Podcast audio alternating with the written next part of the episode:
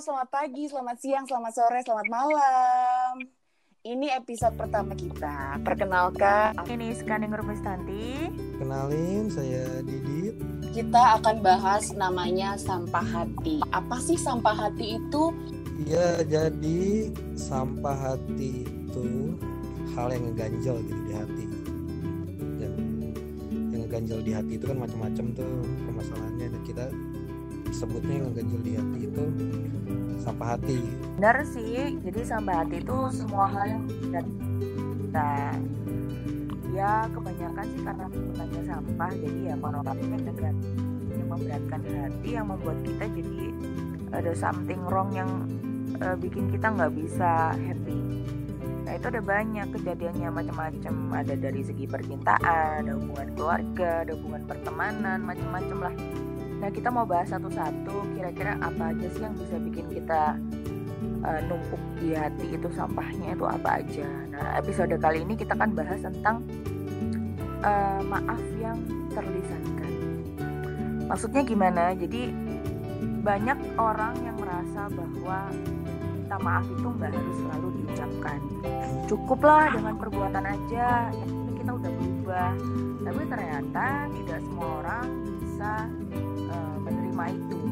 Dan pada kenyataannya dari pengalaman pribadi, kalau ada orang salah sama kita terus mereka tidak mengucapkan maaf dengan proper meskipun sudah menunjukkan itikat berubah yang baik tetap aja kita masih empat gitu Oke, kayak gini nih misalnya. Misal nih, eh, aku sama kamu pacaran.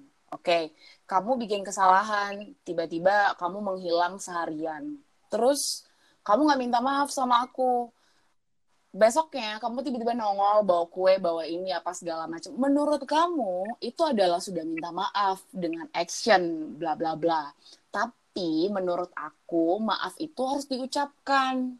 dan menurut aku sih lebih ekstrim lagi ya yang menamakan lisan itu benar-benar harus lisan secara oral yang benar-benar kita ngomong ya bisa sih lewat telepon meskipun toh maaf yang paling afdol itu menurut aku ya yang diucapkan ketemu face to face tapi banyak orang yang sekarang karena adanya gadget ada teknologi akhirnya ya udahlah minta maaf aja lewat chatting itu beda sih rasanya kalau lewat uh, chat itu mungkin sekitar 50%. Kalau dengan tindakan itu bener-bener nggak termaafkan banget sih. Menurutku cuma sekitar 5% aja. Itu pun masih ada banyak kekecewaan yang menumpuk dan nggak selesai.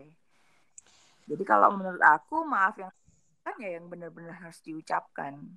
Kalau cerita temen kemarin sih ya, kayaknya temennya ada masalah dengan teman yang lain. hmm, Eh, teman yang lainnya itu yang buat salah, entah dia nggak ngerasa atau entah ya udahlah nanti juga ketemu nongkrong bareng lagi ngobrol-ngobrol baik biasa aja gitu. Tapi ternyata si teman yang jadi korban ini yang kena salahnya ini dia ngerasa kesel, kesel banget.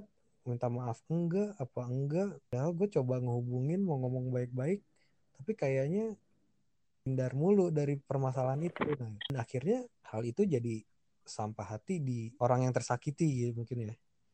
Nah hmm, karena gua nggak ngobrol sama orang yang salah nggak tahu juga yang punya salah jauh nggak di hatinya tentang permasalahan itu yang jelas ya efek jangka panjangnya sebenarnya merugikan kedua belah pihak kan.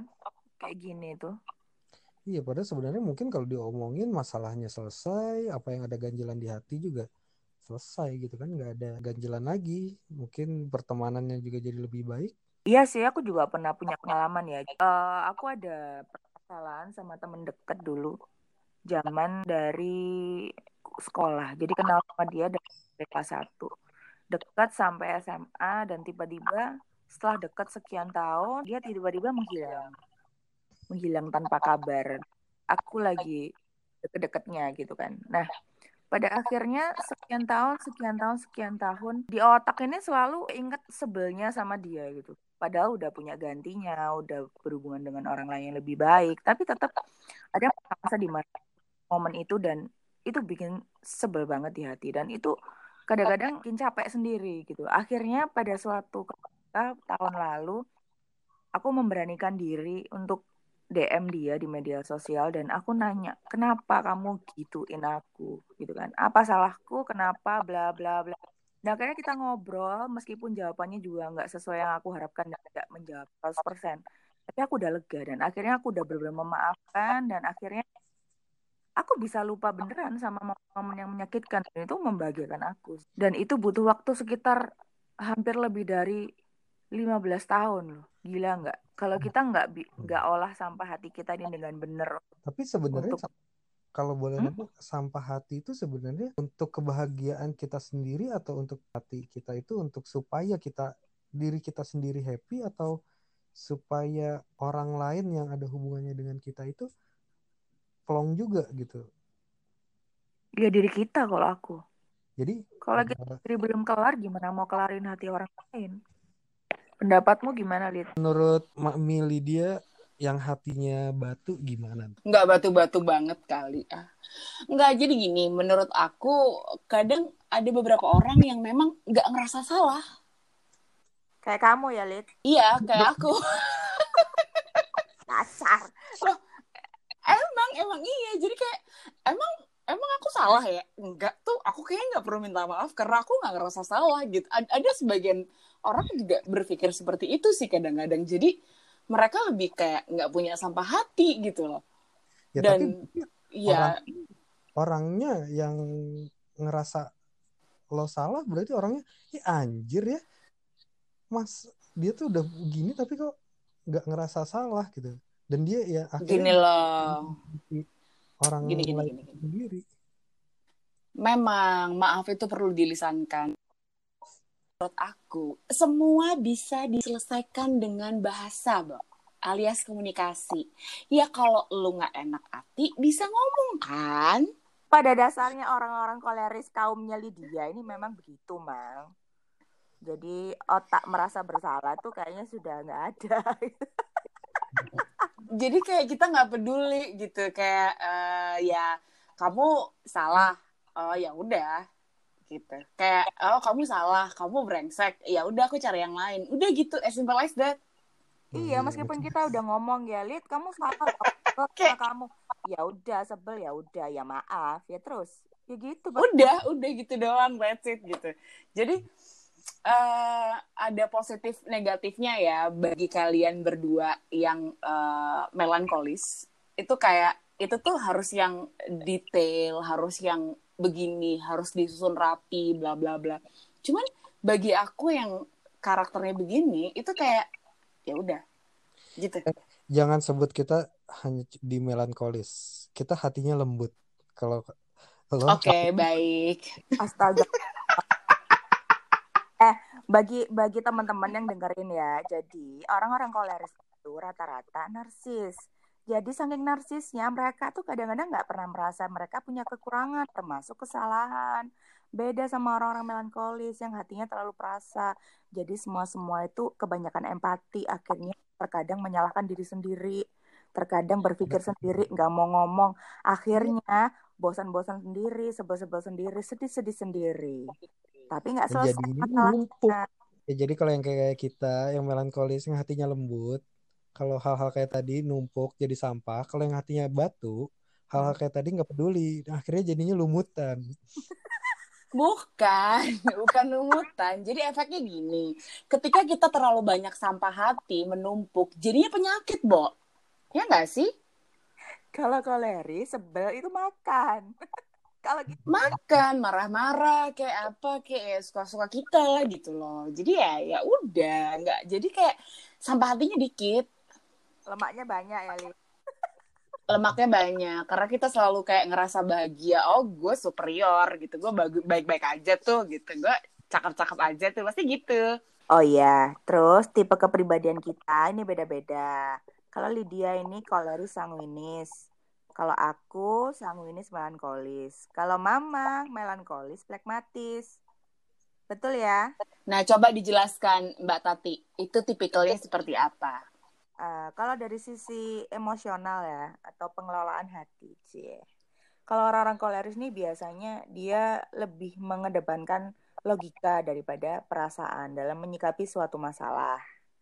Ya kan? Jadi kalau Anda kenal orang koleris terus dihadapkan pada sesuatu masalah yang menghujam dunia fana. Itu pasti mereka pasti kayak logikanya dulu kayak duitnya gimana teknisnya gimana nanti butuh biaya berapa. Nggak ada mikir aduh nanti perasaan orang itu kalau ini gimana? Nggak ada ceritanya orang koleris begitu tapi kalau dilihat dari dia sih kalau ada masalah sama orang lain eh bodo amat yang penting gue happy ya duitnya enggak masalahnya dia Eh buat apa bener. Hey, hey. Kita bawa duit kalau nggak Sedih. kalau nggak ada duitnya baru gue pusing mau dia Nah, nangis bener. Bener, bener, bener, bener, bener, bener. Itu adalah hal yang bikin stres banget adalah ketika nggak punya duit. Itu stres banget, seriously. Itu stres minta ampun. jadi intinya eh, mas sampah hati yang kita bahas kali ini kan di maaf yang terlisankan ya Hmm. kan yang Hmm. yang tidak terlisankan dan akhirnya jadi sampah hati. Tapi Hmm. pada akhirnya ya em- memang cara orang buat ngelola eh, hal-hal yang menjadi sampah hati itu beda-beda. Ya enggak? Mm-mm. Jadi kayak Mm-mm. oh beda gue contoh hati itu yang perasa bakal numpuk dan bakal bisa jadi kepikiran walaupun sampai tadi 15 tahun ya gitu. Kalau nggak diucapin tetap aja masih ada yang ngeganjel. Tapi kalau buat Lydia mau satu menit dua menit satu detik kalau menurut dia hal itu nggak penting buat dipikirin ya udah. Ya udah emang bener kan. tapi mungkin yang bakal jadi sampah di orang lainnya itu Makanya Mang, kalau ketemu orang, kaumnya Lydia, kaum-kaum koleris, jangan harap mereka peka tanpa kita ngomong. Nggak bakalan. Apalagi Nah, pakai. Nggak bisa. tapi ya eh, kadang kalau ketemu eh, orang yang yang ya orang seperti kita nih melankolis ketemu sama kayak Lydia kayak gitu kita mungkin cerita sama dia gue tuh sakit hati loh sama lo tuh gini gini gini gini dan akhirnya dari responnya dia oh iya ya emang begitu ya kayaknya gue nggak ngerasa tuh yang ada malah nambah sakit hati lagi ya nggak sih Iya kadang gitu. Loh, tapi itu bagus juga loh, Mang. Buat terapi kita. Terapi kita mau ngomong. Ya, Jadi- tapi kan enggak kalau kalau dari dari mungkin bagus buat terapi yang itu untuk Mm-mm. ngomong, tapi akhirnya masalahnya yang pertama nggak selesai jadi ganjalan baru datang. Jadi Mungkin gini loh. saran buat teman-teman yang punya karakternya sama kayak Lydia, dicoba mungkin sedikit berempati.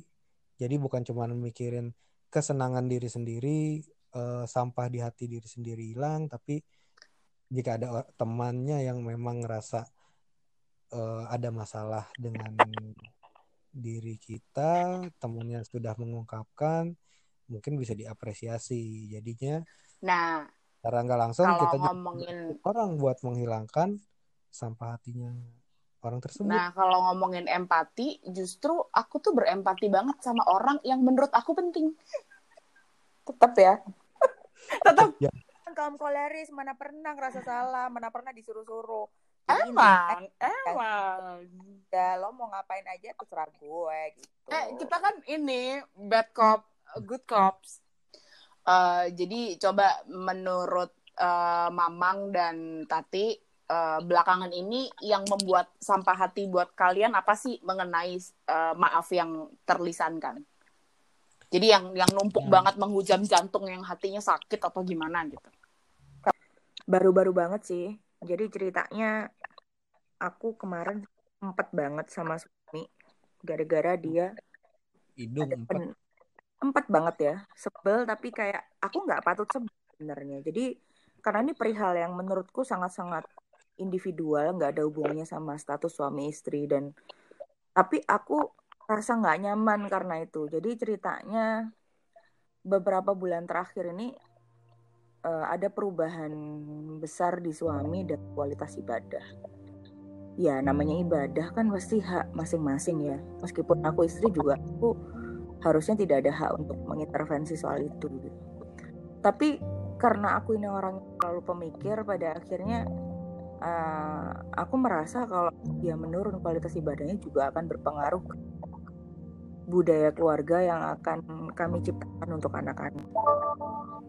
Nah, aku mendem banget karena menurutku aku nggak ada hak untuk kasih nanya dia soal itu karena ini ini privasi ya. Menurut aku hubungan dengan Tuhan itu privasi. Tapi mau nggak mau lama kelamaan kalau aku nggak ngomong kalau aku berkeberatan dengan itu kayaknya aku yang juga tersiksa akhirnya kemarin waktu dia nanya kenapa sih kok kayaknya kamu ada something yang pengen ngomong sama aku tapi kok nggak keluar? Gitu. Ya akhirnya aku ngomong gitu kan. Uh, gini loh kita kan tujuannya salah satu tujuan kita berkeluarga adalah kan punya keturunan yang nantinya bisa bikin kita bahagia nggak cuma di dunia tapi di akhirat.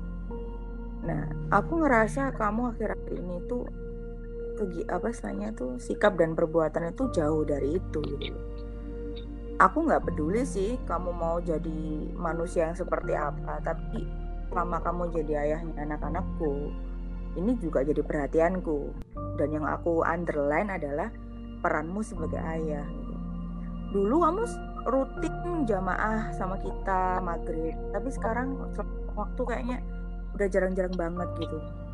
Sedangkan aku mau mau ngingetin kamu soal sholat itu kayaknya aduh ngapain sih udah gede? gitu loh.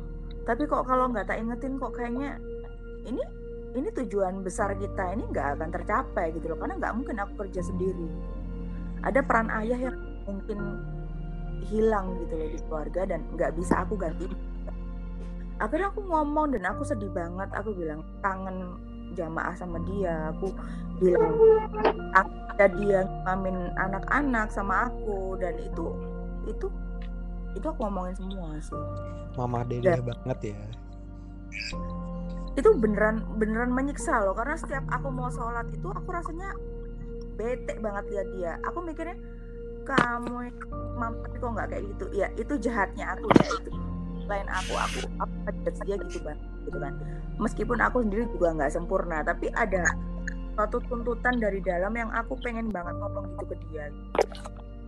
Akhirnya kemarin ngomong dan akhirnya ya tolonglah gini loh aku aku nggak peduli lah kamu mau kayak gini jadi manusia. Yang penting ayolah sama-sama kita jadi bapak sama ibunya. Anak-anak ini bahu membahu gitu loh.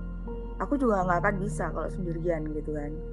Karena anak-anak ini butuh figur ayah yang nantinya mereka akan meniru kamu. Semua hal tentang kamu tuh akan ditiru. Dan itu tanpa kamu tidak sadari aku bilang itu karena budaya yang kita bentuk ini akan kita wariskan sama anak cucu dan cicit akhirnya setelah ngobrol panjang lebar dia akhirnya cerita kenapa dia nggak sholat. Ternyata dia lagi ada di masa dilema di mana aku tuh pengen sholat itu bukan cuma sekedar aku menunaikan kewajiban. Aku tuh pengen sholat karena aku butuh.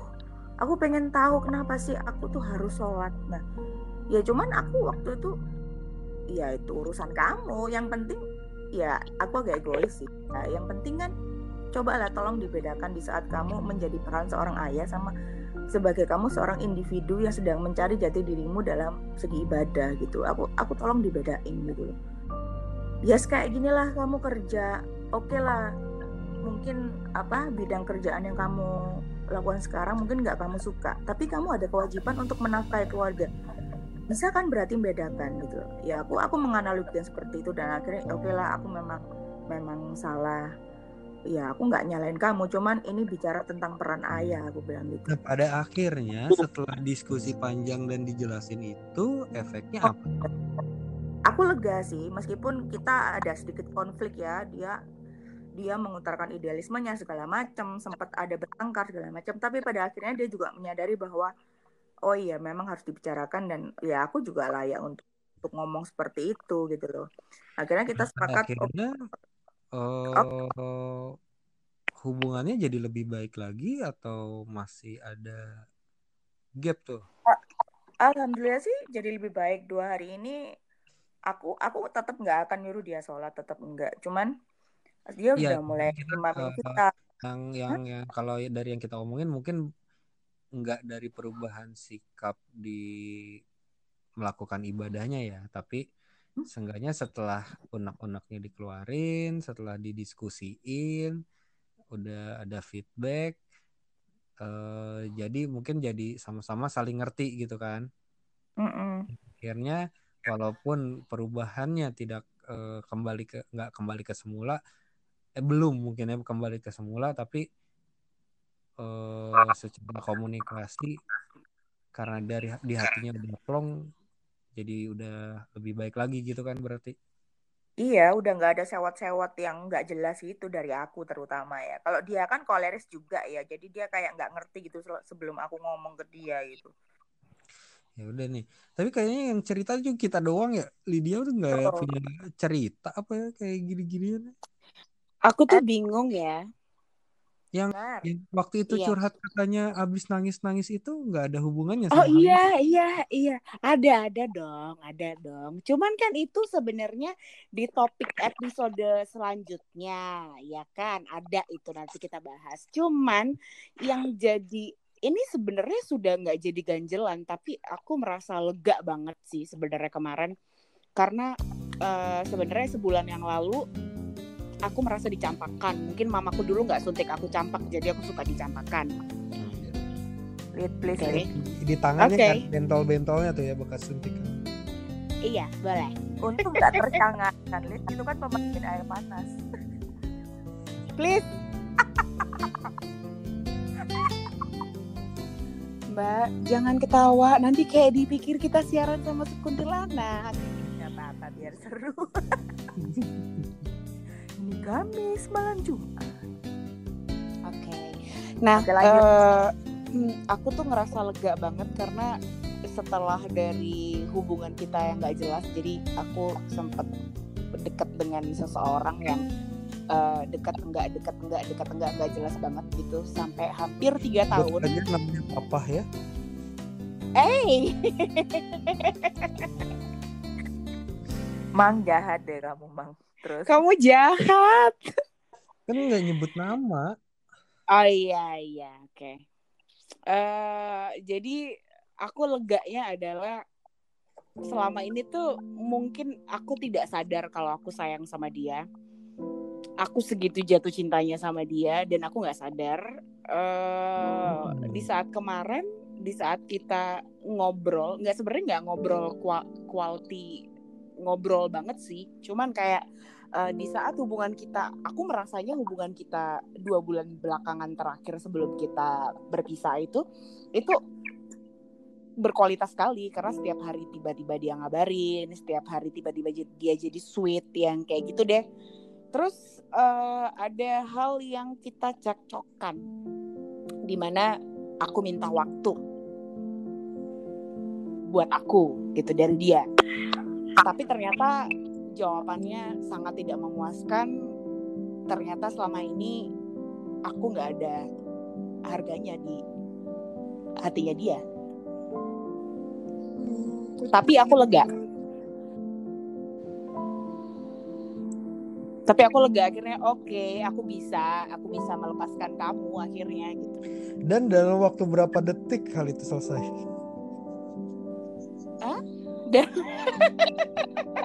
Jadi gini loh.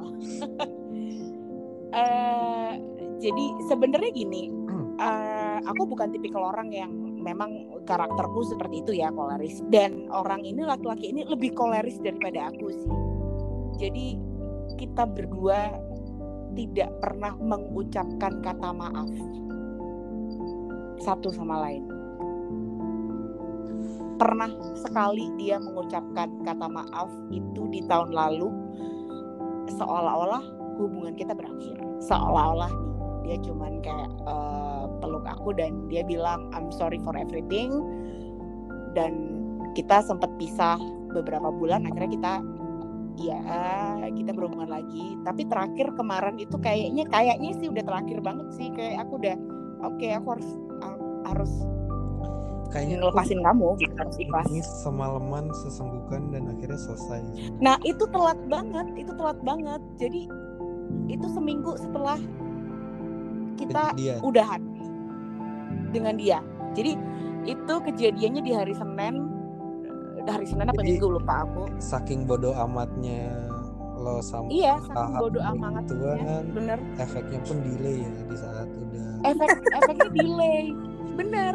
Di Jadi saat- aku tuh mungkin di nangis. saat nangis. itu sep- mulai merasa sepi mulai mikirin hal itu lebih serius dan akhirnya delay seminggu kemudian baru nangis kayak oke aku kehilangan kamu gitu. Telat banget. Kayak Ya. bikin tempe itu loh mang harus kasih ragi dulu. Baru jadi tapi besoknya juga udah lupa sih. Iya sih jadi setelah kayak terus aku bete gitu aku telepon tati gitu. Oke semalam aku akhirnya nangis dan kesesenggukan dan bla bla bla. Kenapa? Iya aku merasa kehilangan dia gitu. Kok telat? Iya tapi ya udah deh gitu. Udah.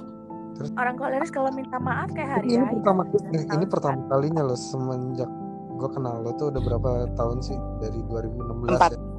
Tiga. Empat. Tiga. Itu eh 2015 akhir kali. 2016 oh ya oke. Nah itu tuh ya pertama kali ya lo tuh cerita sama gue bahwa lu nangis. Biasanya bodo amat putus bodo amat Lah. putus bodo amat. coba kamu tanya sama tati deh berapa kali aku bisa dihitung jari aku nangis? Aku taunya waktu uang adegan kilaf dulu tuh mi. Ya ampun itu zaman kuliah. Lah iya berarti 14 tahun yang lalu. Itu ketahuan tuanya nggak usah disebut kali Oh, bukannya iya. bukannya tiga tahun yang lalu itu ya gitu mang jadi ada dulu juga adegan kilaf itu ada dia nangis Iya, ya udahlah. Itu kan masa muda ya. Cuman di saat aku semakin tua tuh aku semakin kejam. hmm. ya udah coba buat coba nut eh Hah? buat nutup episode ini jadi kita kasih kesimpulan aja nih mendingan soalnya kayaknya Ya intinya gini loh, kalau lagi sebel sama orang, lagi empet sama orang, dikomunikasikan yang enak, disampaikan kenapa kita sebel, kenapa nggak berkenan, dia melakukan ini itu segala macam, agar dia tahu, terus responnya gimana, diselesaikan yang enak, nggak usah mikir-mikir sendiri, dipikirin sendiri, ada asumsi ini itu yang akhirnya bikin penyakitan di diri sendiri. Kita sendiri yang rugi, dianya mah nggak tahu, rugi amat. Ya kalau Mhm. kalau dari gua juga benar sih kata Mbak Tati. Kalau emang kita ada ganjelan apalagi kesalahan yang perlu kita sampaikan perlu kita meminta maaf kepada orang yang bersangkutan ya kalau ada waktunya yang tepat ya disampaikan aja. Kadang nggak bisa juga kita ngomong kapan pun kita mau gitu kita juga mesti lihat waktunya kondisinya ke eh, apa orang tersebut bisa nggak nih untuk kita sampaikan maaf atau kita cerita keluh kesahnya. Karena tapi eh hmm, ya sebelum kita dapat waktunya segala macam ya mau nggak mau kita simpan tuh sampah hati di diri kita. Atau ya kita kelola dengan ya kita pendam dalam-dalam cari hal-hal yang lebih happy ya kita jalanin aja hidup kita. Tapi di saat ada waktunya yang tepat ada tempat ya tempat dan waktu yang tepat ya kita harus sampein itu supaya apa yang udah kita pendam dalam-dalam keluar dan akhirnya ya lebih plong. Oke, kalau menurut aku sih kesimpulan dari semuanya adalah semua itu harus dikomunikasikan.